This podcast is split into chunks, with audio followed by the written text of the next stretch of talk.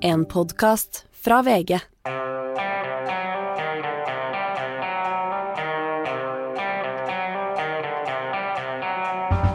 Ikke visste jeg at alle disse dagene som kom og gikk, de var selve uke 44. Jeg har en følelse av, Hanna, at tida bare går fortere og fortere, har jeg for så vidt hatt bestandig, men jeg lurer på nå i disse litt sånn nyhetsmettede tider, går de enda fortere da? Er det din følelse? Ja, egentlig det skjer så mye hele tiden. Og jeg tenker, av og til så har jeg lyst til å bare sitte på trikken, legge bort mobil, legge bort ørepropper, alt, og så bare liksom ha et lite kvarter hvor jeg liksom prøver ikke å tenke på noe. Men det er vanskelig, for det er jo Putin, Kina, energi? Det er- skjer ting hele tiden. Ja. Jeg eh, motvirker dette, og jeg går jo mye, og da hører jeg har jeg slutta nå å høre på nyheter når jeg går, og så hører jeg på lydbok isteden, romaner. Ah, Eh, det som er er, liksom helt inne i helt andre virkeligheter, og det eh, faktisk hjelper litt, ja, altså. Og jeg, av og til så Jeg hører veldig mye på podkast når jeg er ute og går, men av og til så, hvis jeg er litt for full i hodet, så hører jeg på musikk. Og det Ja, er også ja, veldig deilig. Det er også ok, ja. Og da merker jeg at da roer liksom Men akkurat det der med roman, tenker jeg, da får du, et, du fortsatt fortellinger og sånne ting, liksom, men, men eh, som da ikke går direkte inn i eh, Ja, nå må jeg innrømme at jeg har hørt noen Putin-biografier og sånne ting, og så da er det det er 'Putting Out Fire With Gasoline'. Nei, men det skal jeg ta til meg, Anders. Det er en god idé, altså.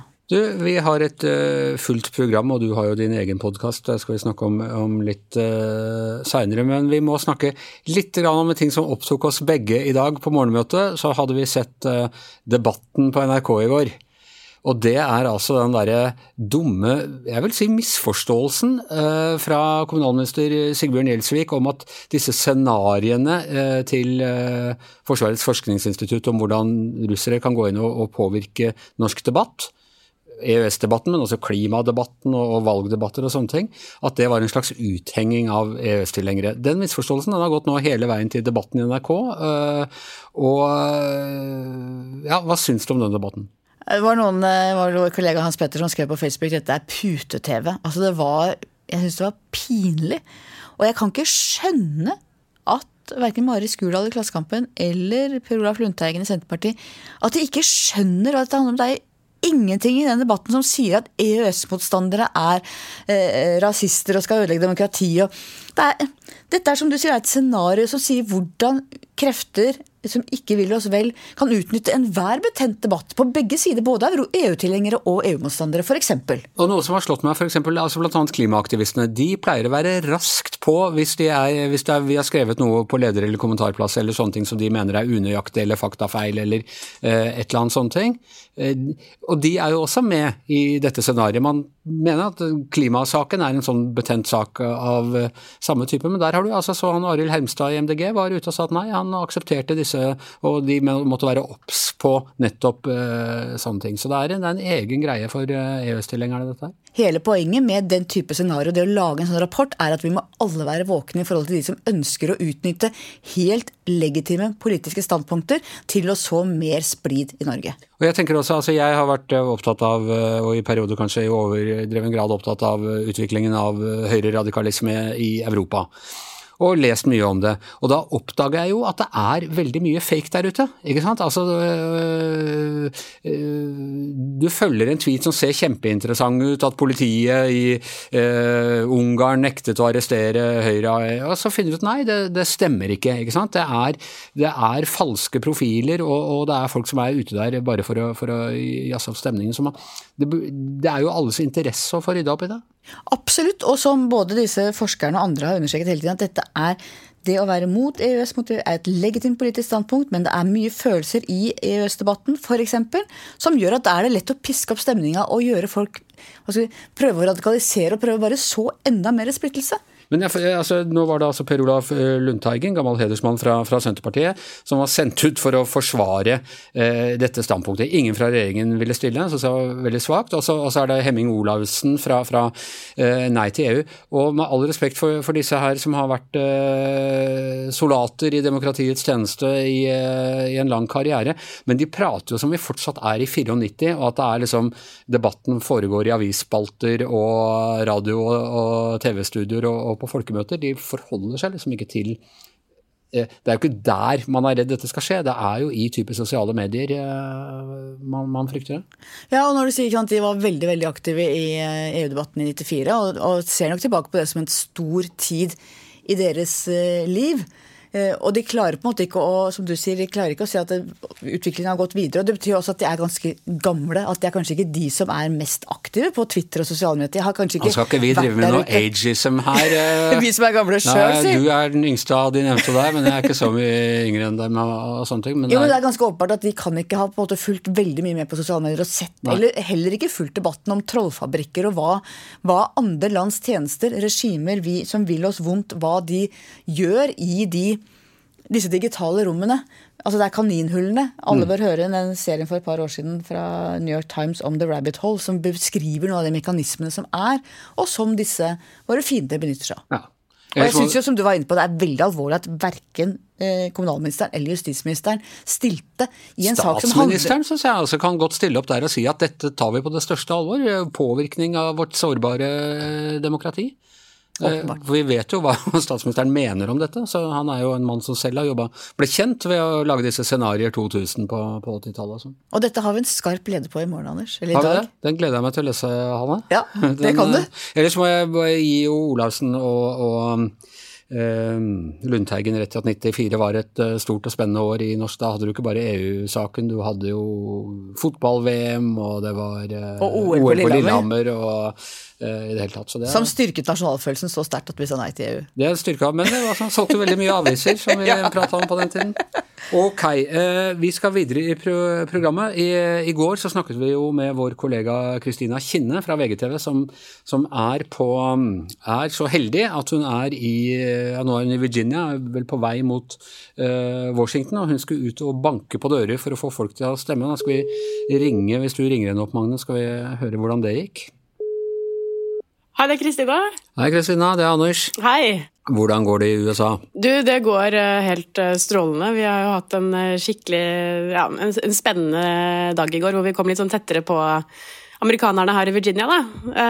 Så vi begynte dagen med å banke på dør, dør til dør utenfor Charlottesville for å høre om velgerne hadde liksom husket å stemme ja. denne gangen. Så det var jo, det var jo ordentlig spennende opplevelse. Ja, det synes det vært litt rart hvis det ringte på døra mi på valgdagen og sto en amerikaner og spurte meg om jeg hadde husket å, å stemme på Arbeiderpartiet. Ja, jeg syns jo det også, så jeg satte meg litt inn i deres situasjon. Eh, så jeg syns jo det var veldig ekkelt første gangen jeg eh, banka på, men de var jo de, det virka som at dette var noe som de visste de skulle gjennom hvert eneste år. Da. Og så de kom jo ut og snakket med oss og sånt. Eh, og det var jo, jeg er jo et veldig sånn demokratisk område, så de fleste var egentlig litt sånn at de har alltid stemt eh, Demokratene, og de kommer til å gjøre det i år også. Men så var det også et par som var, som var eh, litt, eh, litt sånn molefonkne, og sa at sånn Vet du hva, jeg har ikke stemt jeg, de siste seks årene på mellomvalget, fordi jeg syns det har vært greit sånn som det er. Men uh, nå sliter jeg sånn økonomisk, så jeg, jeg, må faktisk stemme. Og jeg vil ikke si hva jeg skal stemme denne gangen. Så man kan jo kanskje anta at da blir det flippe over til republikansk side for å komme seg ut av denne økonomiske liksom. Fordi dere, dere ba dem ikke stemme på noen spesiell, dere bare sånn generelt dere må stemme? Vi ble jo sendt ut av en lokal uh, mann som heter Josh Thronberg. Uh, han stiller da som kongresskandidat for, uh, for Demokratene. Ja. Så vi gikk, jo, vi gikk, jo, med hans emblem på, på jakka, ja. men vi gikk liksom ikke så veldig dypt inn i den politiske samtalen, for vi kan jo veldig lite om Josh Thronberg. så det var, eh, var, mest for å spørre om sånn, har dere husket ja. uh, å stemme? For det er jo også problemet til demokratene ofte, at uh, de, de, stemmer jo ikke. Ja, det sies jo det at altså, uh, demokratene har de tjener på mest, best mulig valgoppdeltakelse, mens republikanerne tjener på minst mulig? Ja, nemlig. Så det var vel det som var tanken, at vi gikk rundt i dette området hvor det er tradisjonelt demokratisk. Da. Men nei, jeg ble litt overrasket over i hvert fall de som, som virka å være mest fattige, at de nå sa at de skulle flippe over eh, for første gang på lenge. for å, ja, De merker inflasjonen, da. Og så var du på middag hos uh, rike republikanere. Hvordan var det? Ja, Vi dro litt ut av byen der på kvelden for å spise middag hos Ned og Heidi Gumbel, mm. som, har, som, sitter på en sånn mine der ute i ja, utenfor forstaden. Det var jo sånn veldig sånn gammel sted med svære villaer og bondegårder og sånt. Da. De tok oss inn og hadde servert barbecue. Med, med hele familien, alle var med. Hennes eldste var deres mor, som var 92 år gammel. Så det var, eh, det var artig. Og de, de, jo, de, la jo ikke noe mellom når de sa at de skulle stemme republikansk. og de var helt komfortable med, med, Trump og hele utviklingen i det republikanske partiet, eller? Altså, Det var jo faktisk litt artig, eh, for dette her var jo en sånn superkonservativ familie hvor vi begynte jo middagen med å be bordbønn, og det var jo altså det, det, var ingen tvil om at de var republikanere i, hjertet, men mot slutten så sa Ned at uh, han, han syntes det var litt vanskelig, fordi han håper virkelig han slipper å stemme på Trump igjen fordi han er en uh, ukristelig person som ikke fortjener å være leder av dette landet. Og Så spurte jeg da om hvis, uh, men skal du stemme Trump hvis han, hvis han, hvis han stiller på nytt. Og da var han litt, litt usikker. Så spurte jeg men, men stemmer du da Biden. Og den satt langt inne, så han sa jo ikke at han skulle stemme Biden, men han sa at han skal i hvert fall ikke ikke stemme. Ja. Så, så han, uh, han, er nok kanskje litt sånn en, en erkekonservativ type som er litt på vippen fordi Trump uh, er den han er, da. Nei, jeg har lurt på det. En del av de hva skal jeg si, de mest moralske republikanerne og, og Trumps liv er jo ikke helt sånn forenlig med det man Jeg spurte jo om eh, hva vennene hans tenkte sånt nå, da. Eh, for han bor jo i et miljø hvor alle stemmer republikansk, og han sa at eh, hvis, hvis, Trump stiller igjen mot Biden, så tror jeg faktisk Trump taper, sa han. Hmm. Så det, mm, det, er jo litt Det var faktisk litt interessant, det. Du, Trump selv, han har, har rakt ut en hånd eller stilt seg noen nærmere hele QAnon, disse konspirasjonene? Ja, og jo, vi snakka faktisk litt om det også. Eh, for han har jo nå i det siste delt litt på dette her truth eh, ikke Facebook, men sin egen sosiale medier-plattform. så har han jo delt videre en del konspirasjonsteorier og sånt fra QAnon den siste tiden. Og så så vi at han har dukket opp med, med en ku på kragen sin også. Så, så, så det var litt sånn samtalen i går også, at han går jo Trump går ganske langt utenfor politikken, da. Uh, og liksom fremstår litt som en farlig person, i hvert fall for dem. Og så ser man jo også at uh, han uh, har jo en del følgere som, som, tror på det her. Det er vel det er ganske mange amerikanere som tror på QAnon eh, nå. Ja, vi skal snakke med, med Thomas Seltzer nå rett, eh, rett, etter deg. Han har, hatt et, har denne TV-serien hvor han har snakket med, med folk i QAnon og, og, og dalstrøka innafor.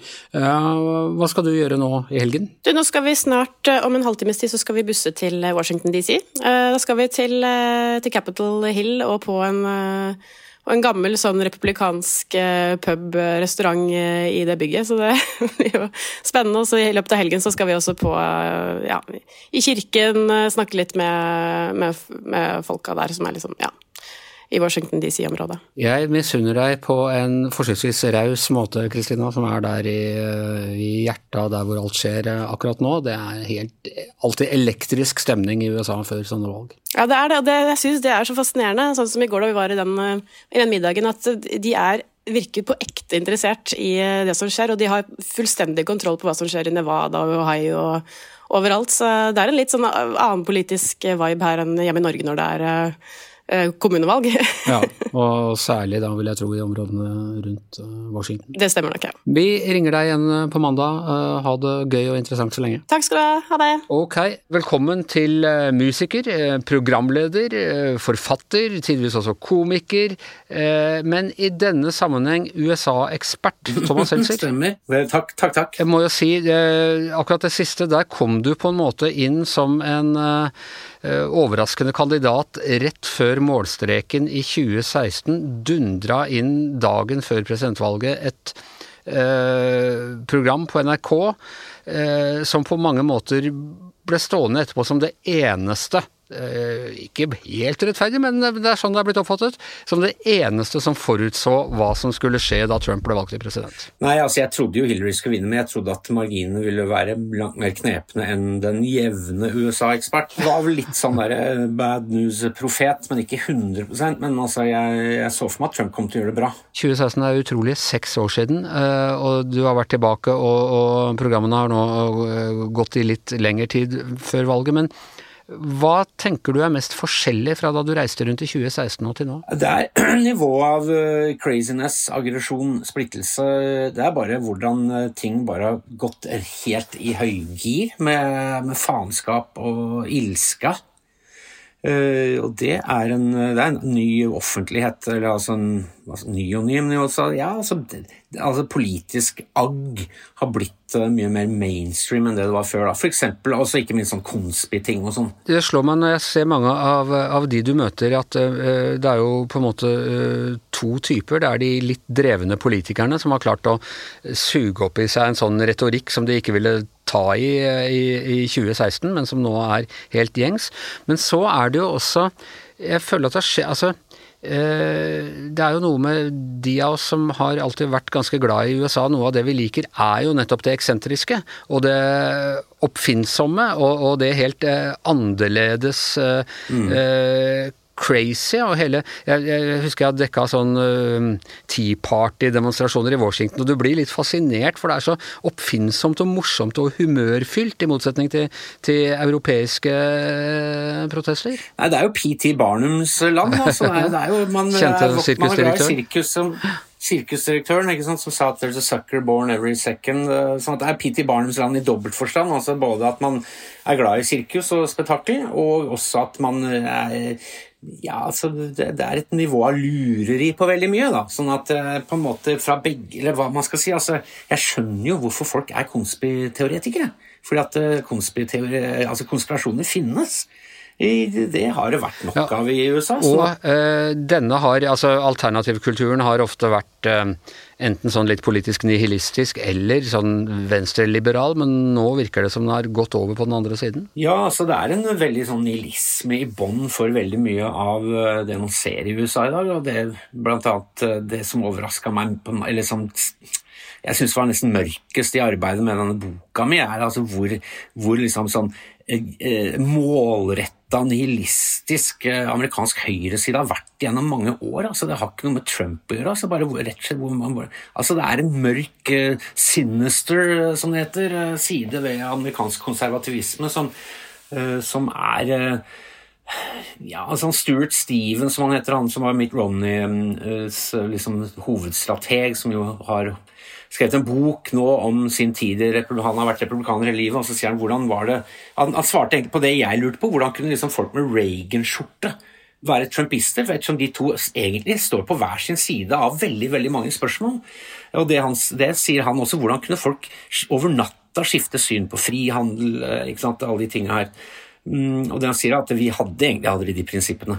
Denne, dette partiet vårt har bare handla om eh, hegemoni, dominans og makt. Det har ikke hatt det var egentlig noen ideologi. Sånn at, eh, og Det er en sånn mørk greie han kommer med som en, som slags sånn, et oppgjør med seg sjøl. Men altså, ja, nei, det, er, det, er, noe i det. altså Den der tunge, tunge nihilismen. Du er jo amerikaner. Du, du, boka di som kommer om uh, kort tid, heter, har undertittel 'Tanker om mitt fordømte fedreland'.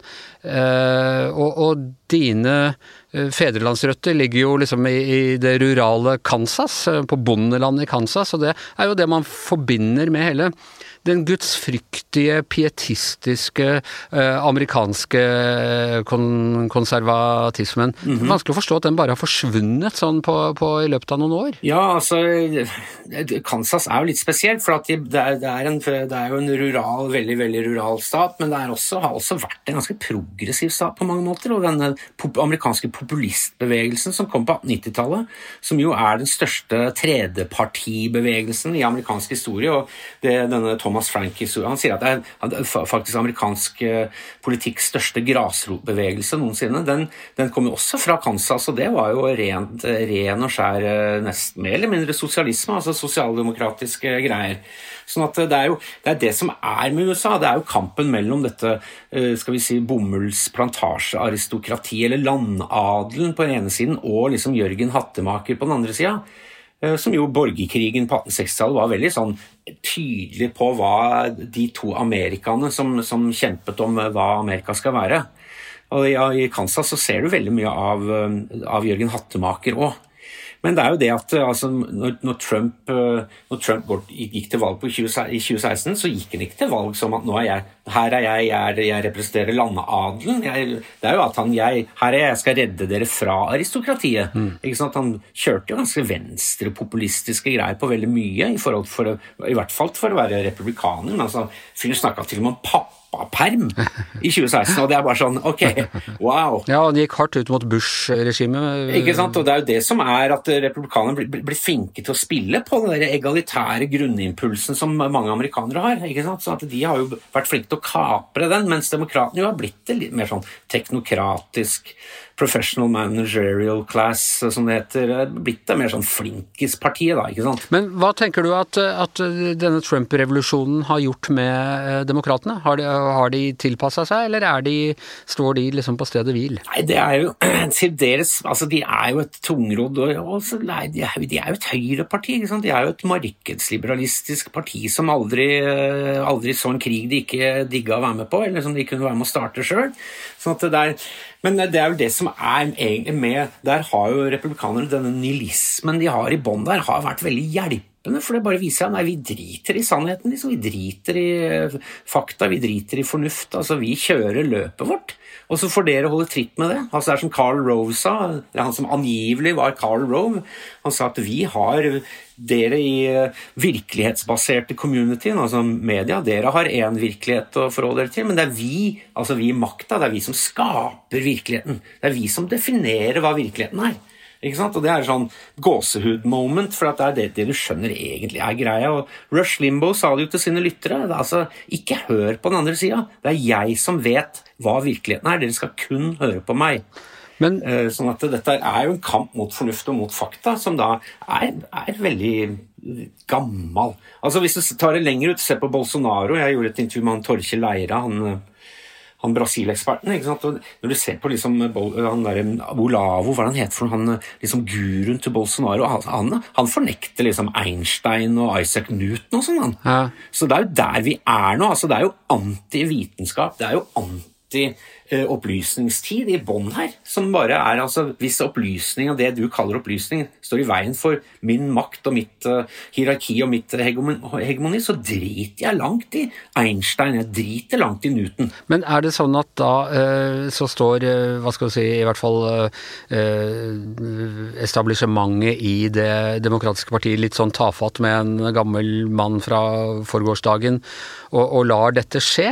eller er det noe motreaksjoner på gang.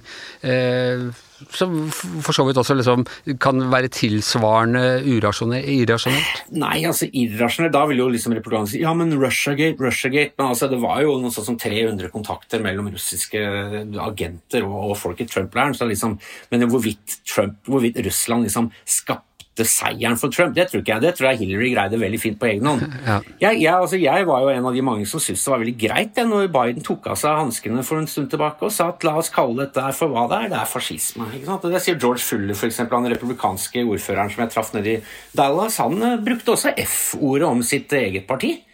Uh, altså det er liksom, det er, men det er litt for seint, tenker jeg. Men da blir det sånn Å, du, det er den nye deplorables-talen, dette her på nytt. Så, altså, det er bare sånn sutt ytring og polem, polemisering og egentlig våpenisering av egentlig bare hva det skal være. Men jeg tenker at uh, jeg syns det var veldig fint ja, at Biden sa, kalte en spade en spade. og det er, For det er, det, ja, det er jo det republikanerne driver med i dag. Det er en villet, bevisst avvikling av det amerikanske demokratiet. Uh, og Hvis du tror noe annet, så har jeg en uh, bro i Alaska å selge deg, og en enhjørning. Og jeg føler også at mange av de som motsetter seg dette faktum, er også folk som egentlig syns det er litt greit at demokratiet kanskje bare blir avvikla. Skal disse her folka i gettoen skal de liksom ha stemmerett, de da? Bare bråk Nei da, men vi må være Ikke sant? Blæ, blæ, ble. Du, ser du noe som helst lyspunkter? Ser du, altså, jeg vet du, du hadde vel en viss begeistring for Bernie Sanders, men han er også en gammel mann. Er det, er det mm. noen politiske motkrefter som du tror kan eh, spore eh, landet tilbake? Nei, Det er godt å se. ser liksom ikke sånn veldig Det handler jo mye, om, mye av dette handler jo også om det demokratiske partiet i krise. Eh, det er det gamle partiet funker ikke helt. altså det er liksom, det har Siden, siden Clinton-æraen så har det jo bare vært et, har vært et slags sånn wannabe republikansk parti. sånn at de de burde jo ha tona flagg, de burde vært hyra. Altså, dette er jo base, dette er jo elementær brandbuilding, og de hadde brandet deres er veldig svakt. Sånn at um, nei, altså Jeg ser ikke noe lyspunkter, men når det gjelder liksom splittelsen i USA, så ser jeg jo liksom én på en måte det ene lille håpet mitt det er at denne egalitære impulsen som ligger i det amerikanske grunnlandet, som jeg også skriver mye om i den boka mi, den ligger hos veldig mange, også hos republikanerne. ikke sant? Det er noe med at eh, en fyr jeg traff i Portland, som er altså sånn antifascist, eh, men vanlig type som jobber på et sagbruk, liksom, som, som er en våpentype og driver med MC og sånn, han sier at eh, det som, liksom det som virkelig gjør han trist, er at han har mange venner han, som har havnet på andre sida, men vet at vi har egentlig mer eller mindre de samme holdningene. Vi, liker, vi hater maktmisbruk, vi hater korrupsjon, det at penger skal styre politikk. Ni av ti amerikanere, altså store flertall av republikanere, er også imot Citizens United-kjennelsen, som det heter. Altså hvor, hvor, de republikanske dommerne i, i Høyesterett eh, mer eller mindre legaliserte politisk korrupsjon i 2010. Eh, de fleste amerikanere vil ha et godt offentlig helsevesen. De fleste vil ha gode offentlige skoler. De fleste vil ha god infrastruktur finansiert av det offentlige. Så eh, amerikanere flest er egentlig litt sånn sosialdemokrater light. Mens da eh, disse to partiene har jo liksom blitt litt sånn Der er det litt mer sånn Ayn Rand-takter. Sånn at det er, det, er en, det er, et ideologisk underskudd, dette her, som vi ser, og det er et demokratisk underskudd også, i og med at det republikanske partiet er jo et mindretallsparti. Og det har de vært veldig, veldig lenge. Ja. Eh, og det er jo derfor de nå bare er hypp på kanskje bare nedlegge demokratiet, for at de kan, kan, ikke vinne. Er dette også en sånn etnisk greie, med at de er liksom den hvite manns eh, parti, og, og det hvite hegemoniet er i ferd med å forsvinne? Ja, altså hvis du ser på de eh, En som heter, heter P, altså ja, nei, men altså Hvis du ser på de som ble arrestert 6.1 man vet ganske mye om dem. Eh, for det er jo noe sånt som 750 av dem som har blitt kjørt gjennom rettssystemet, så vi har ganske mye sånn personalia på dem. Og der er det jo tre ting som går igjen. Det er, eh, de er hvite. De er hvite som bor i valgdistrikter som har vært hvite, men som nå begynner å bli beige og brune.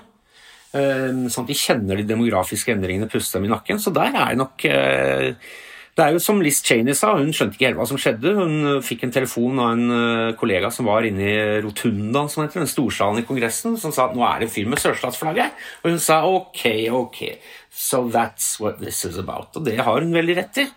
Eh, og så var det også overvekt. altså Dette var middelklassefolk. altså Dette var jo høyt utdanna. Mye høyere gjennomsnittsnivå på utdanninga 6.1-folket enn hos amerikanere flest. Eh, så dette var jo leger, tannleger, selvstendig næringsdrivende, yrkesmilitære. Eh, men det som er, at det var overrepresentasjon av eh, folk som hadde vært gjennom konkurs og rettslige inkasso, tunge rettslige inkassosaker. Så dette er en fallert middelklasse. ikke sant? Og det er jo sånn man kjenner igjen fra fra 30-tallet i Tyskland. altså er Det farligste som fins, er jo fallert middelklasse. Det er jo farligere enn eh, både internettvirus og syflis og, og liksom elektriske åler. Det er jo virkelig det farligste som fins. Ok, eh, for å være da ta deg virkelig USA-eksperthatten, og én ting er mellomvalget nå, men, men, hva tenker du om to år? Altså, A, tror du Biden og Trump kommer til å få en eh, reprise på, på den valgkampen her? Altså, det er ikke godt å si, altså, men sånn eh, altså, altså hvor, hvor, hva heter det, pekuniært er et sånt ord jeg har lært meg i det siste. altså Hvor, hvor kommersielt ting er drevet, og hvor mye penger som ligger i Alt fra Alex Jones, f.eks. Det visste ikke jeg at det han egentlig driver. Inforce er jo en TV-shop, men med konspiprat innimellom reklamene for kosttilskudd og merchandise. Og det er også Trump Broren min er jo er ikke noen sånn spesielt venstrevridd type, han liker ikke Trump, men han sier jo Han er, veldig, han er jo gammel finansmann, jobber, han sier altså det Trump driver med nå, er ren scam. ikke sant, Det er ren pengeinnsamling til seg selv. Grunnen til at han ikke annonserer sitt kandidatur, er at i det øyeblikket han gjør det, så blir pengetilstrømningen hans underlagt noen ganske strenge regler. Og det er ikke han interessert i. Og det sier jo litt at liksom Steve Bannon det er, det er, ikke ofte man kan si Jeg blir skuffa over Steve Bannon, men, men jeg blei faktisk litt skuffa når jeg så hva han, hva han faktisk drev, hva, hva, de gjorde med disse her Build the Wall-pengene, altså crowdfundinga til Build the Wall. At de rett og slett bare brukte penga på seg sjøl. Det er litt sånn derre ett-tu, Steven. det, er sånn, altså bak, det er veldig mye av dette, denne idealismen, så er det bare rett og slett sånn derre penge, kronerulling og kjedebrev og drit og møkk bak det der. Så det er bare sånn derre wow. Så veldig mye av det handler jo om jeg vil fram til her, altså, hva, hva, er det Trump, hva slags rettslige begrensninger vil Trump ha? Hva slags finansielle eh, premisser er det for at han kan stille? ikke sant? Og hvis han nå, altså At fyren er, driver med økokrim og har drevet med det stort sett hele livet, er jo, er jo ikke, noe, er ikke noe tvil om. Eh, skal, skal, man begynne å grave opp i det nå? Skal han bli dømt for noe? Altså Han har jo noe sånn som tre rettssaker gående mot seg nå, hvorav de alle tre handler vel om, handler vel om penger. Så jeg vet ikke, Han begynner jo å bli gammel, han òg. Disse, dette høres ut som sånn dårlig meme, men altså når du ser de bildene av ham på golfbanen hvor du kan se at han har på seg voksenbleie Dette sier ikke jeg som sånn at Trump ser rar ut, Trump har så rar hud og hår og sånn. Det sier jeg ikke, men Trump bruker faktisk bleier. Og det har jo også med, med livsstilen hans å gjøre. Det har med, det har med altså, helsa hans å gjøre. Så han, han er ikke noe ungfole, han heller. Um, altså, jeg, det er helt umulig å si hva som skjer. Det eneste jeg kan med sikkerhet si, det er at um, de, altså det er jo så mange steder hvor det virkelig går på marginene løs nå, i altså mange stater nå, i valget nå til neste uke, at um, disse her valgadministratorfolka som bare har sagt opp jobbene sine nå, er lei og redde for all trusselen og all driten de får fra magafolk, de har nå blitt besatt av Siv Bannon sine fotsoldater. Og der kommer det neste gang en Trump, eller en som Trump, ringer for en som uh, da har overtatt jobben til han Brian Kemp eller Raffenberg eller hva han heter i Georgia, og sier at du, jeg trenger 400 stemmer, jeg trenger, 8, eller jeg trenger 11 800 stemmer, så får han det. Eller hun får de stemmene. Så nå blir det virkelig, blir det virkelig masse valgfusk nå. Og så kommer det til å bli våpenisert andre veien. Å, har vi valgfusk nå, da? Kommer de til å si med ironiske stemmer. ikke sant, altså... Nå syns de det er valgfusk, ja! Ikke sant? Det er jo den der tuppen og lillemor-dynamikken som hele ordskiftet i USA nå er blitt. Um, og det kommer til å bli en kruttønne. Uh, og, um, og, så kommer det til å funke fram til 2024, og så kommer det bare til å være Altså, Dette er en aktiv nedbygging av demokratiet. Så har du noe tro på at Biden kommer til å ta en runde til? Altså, Man må jo bare håpe at han ikke gjør det. Altså, Det, det går jo ikke. Sånn at, uh, altså, han er jo, Fyren er jo dement. Men eh, ja, ja, det var jo Reagan òg. Han var jo den beste noensinne, var det ikke det? Jo, det er, han er vel en av de mest populære. Eh, bortsett fra Clinton, tror jeg faktisk også rager ganske høyt der oppe. Mm. Obama også. Obama er jo, ja, det er jo en, ja, det er For jo altså, innimellom skapes det jo den typen Obama-begeistring, men det er bare det er litt den derre ja, Du har jo kalt boka di for Karmageddon, og for å være Obama må du ha en Trump? Ja, altså tittelen er sånn der, det handler, Folk kan jo tro at nå får Amerika som fortjent, og det, altså amerikanere flest fortjener ikke den dritten her. Så dette her er jo det er jo penger Jeg bruker Saddam Hussein som et eksempel, sammenligner han med han eh, i eh, Apokalypsen nå. Altså, man, man, eh, man kjørte oppover hva heter det, Mekongelva, akkurat som man kjørte på en måte oppover Tigris for å ta ut sin Kurch i Bagdad. Altså, det er jo USA som langt på vei skapte monsteret Saddam Hussein. og det blir som Norega og disse andre. Man lager et monster, og så eh, går det en stund, og så begynner monsteret å gå og farte rundt i bygda og slå i hjel eh, sauer og unger og sånn, og så må man ta han ut da. ikke sant? Den klassiske. Eh, fordi at det er dårlig for, Ikke fordi man bryr seg om sauer og unger, men fordi at han er dårlig for business. Sånn at Norega ble jo vi visste jo at han var narkodealer, men når han begynte å flånte det litt for mye og ble litt trassig, så var han plutselig da var han plutselig Oi, en, han er narkodealer! Sånn at um, Det er den karmageddon der jeg snakker om. da, altså Dette er bumerangen som stadig kommer tilbake. En blanding av uh, karma, som er uh, sjelevandringsideen uh, i hinduismen, og armageddon, som er uh, undergangen i kristendommen. Ja, eller karma, karma er jo ikke sjele... Jo, kanskje, men altså, det betyr bare at faenskap straffer seg, ja. eller at alt henger sammen med alt. Liksom At en sommerfugl som blafrer med vingene, kan skape en tornado på andre sida av havet uka seinere. Det er liksom de der små tinga som blir til disse store, dramatiske orkanene da, som, som, ødelegger livet og har ødelagt middelklassen i USA, blant annet. Ok, jeg håper på god karma for uh, deg og boka di, i det minste, oppi, oppi, dette kaoset. Tusen takk for at du tok deg tid, eh, Thomas Seltzer. Takk skal du ha. Eh, det går mot slutten, men som jeg nevnte innledningsvis, eh, Hanne, vi er jo ikke bare kolleger og venner, vi er også konkurrenter. Ja, Beinharde konkurrenter. Beinharde eh, konkurrenter, eller kanskje ikke så beinharde, men det kan vokse, det kan bli, det kan bli en beinhard konkurranse. Eh, og begge har faktisk navnet sitt på podkasten. Begge har navnet på podkasten. Det er to egoer. Jeg vet ikke om du har lest den Donald-historien hvor Donald og Marajan av Praktistan krangler om å lage de største statuene av seg sjæl. Og lager større og større og større. Jeg føler at vi er inne i et litt sånt uh, våpenkappløp Absolutt. der nå. Og uh, hva er det Skartveit skal ta for seg denne uka?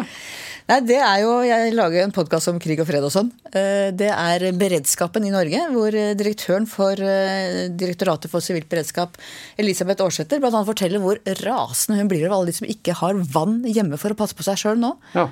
Hun blir rasende. Jeg, Ja, I går fylte jeg opp tre sånne vanntank, vanntanker og, og satte i kjelleren, så da føler jeg at jeg går klar av det raseriet med, med et nødskrik. Ja, Men det er klart det er kjempeinteressant hvordan beredskapen er i den tida vi er nå, med energikrise, eh, krig, atomtrusler, alle disse tingene. Da er det plutselig at folk Hvor mye vann mener hun vi må ha? ni liter per person. Ja, det er faktisk ja, ti liter per person. Så Det er bra levert, Anders. Da blir ikke hun sinna på deg, i hvert fall. Nei, nei. eh, Det er ikke min skyld, i hvert Nei. fall kan du si til henne hvis du, hvis du snakker med henne. Nei, men eh, det blir spennende. Ser hun ellers noen lyspunkter? Er det noen Ja, vet du, Hun er grunnleggende optimistisk. Det snakker hun litt om. At hun er grunnleggende optimistisk tross alt det som skjer nå. Eh, Jeg tror hun er veldig glad for at flere nordmenn, stadig flere, blir veldig opptatt av nettopp å bygge små beredskapslagre. Blir opptatt av det, er mer oppmerksom enn vi har vært før. Ja. Det er helt naturlig. og Det hennes har ikke jobb vært er så jo... grunn til det før, det er jo det som er poenget. Nei, det er klart, Vi har jo levd i et sånt fredelig friminutt i 30 år, og vi har Ja. tenkt at eh, fred, frihet og alt gratis, og så snur alt. Jeg føler at vi har levd i en fredelig skoledag i ni år, så nå er det sånn midttime med litt krig og sånn, og så skal vi tilbake til Ja, det er min, det er min innstilling. Men du er også optimist, Anders. jeg er det. Jeg er det. litt mørkere av og til. Ja. Nei, man, øh, man, øh, jeg syns ikke man kan holde på med dette som vi holder på med, hvis man ikke har en grunnleggende optimistisk øh, tone. Da blir det for mørkt. Eh, Så derfor ønsker jeg alle en riktig god og hyggelig helg. Kose dere i høstmørket på, på best mulig måte. Eh, Vi er tilbake på mandag. Tusen takk til Hanne Skartveit, tusen takk til Kristina Kinne, tusen takk til Thomas Seltzer. Jeg heter Anders Giæver, og mannen som bærer lykten i dette mørket for oss, er som vanlig vår produsent Magne Antonsen. Du har hørt en podkast fra VG. Ansvarlig redaktør, Gard Steiro.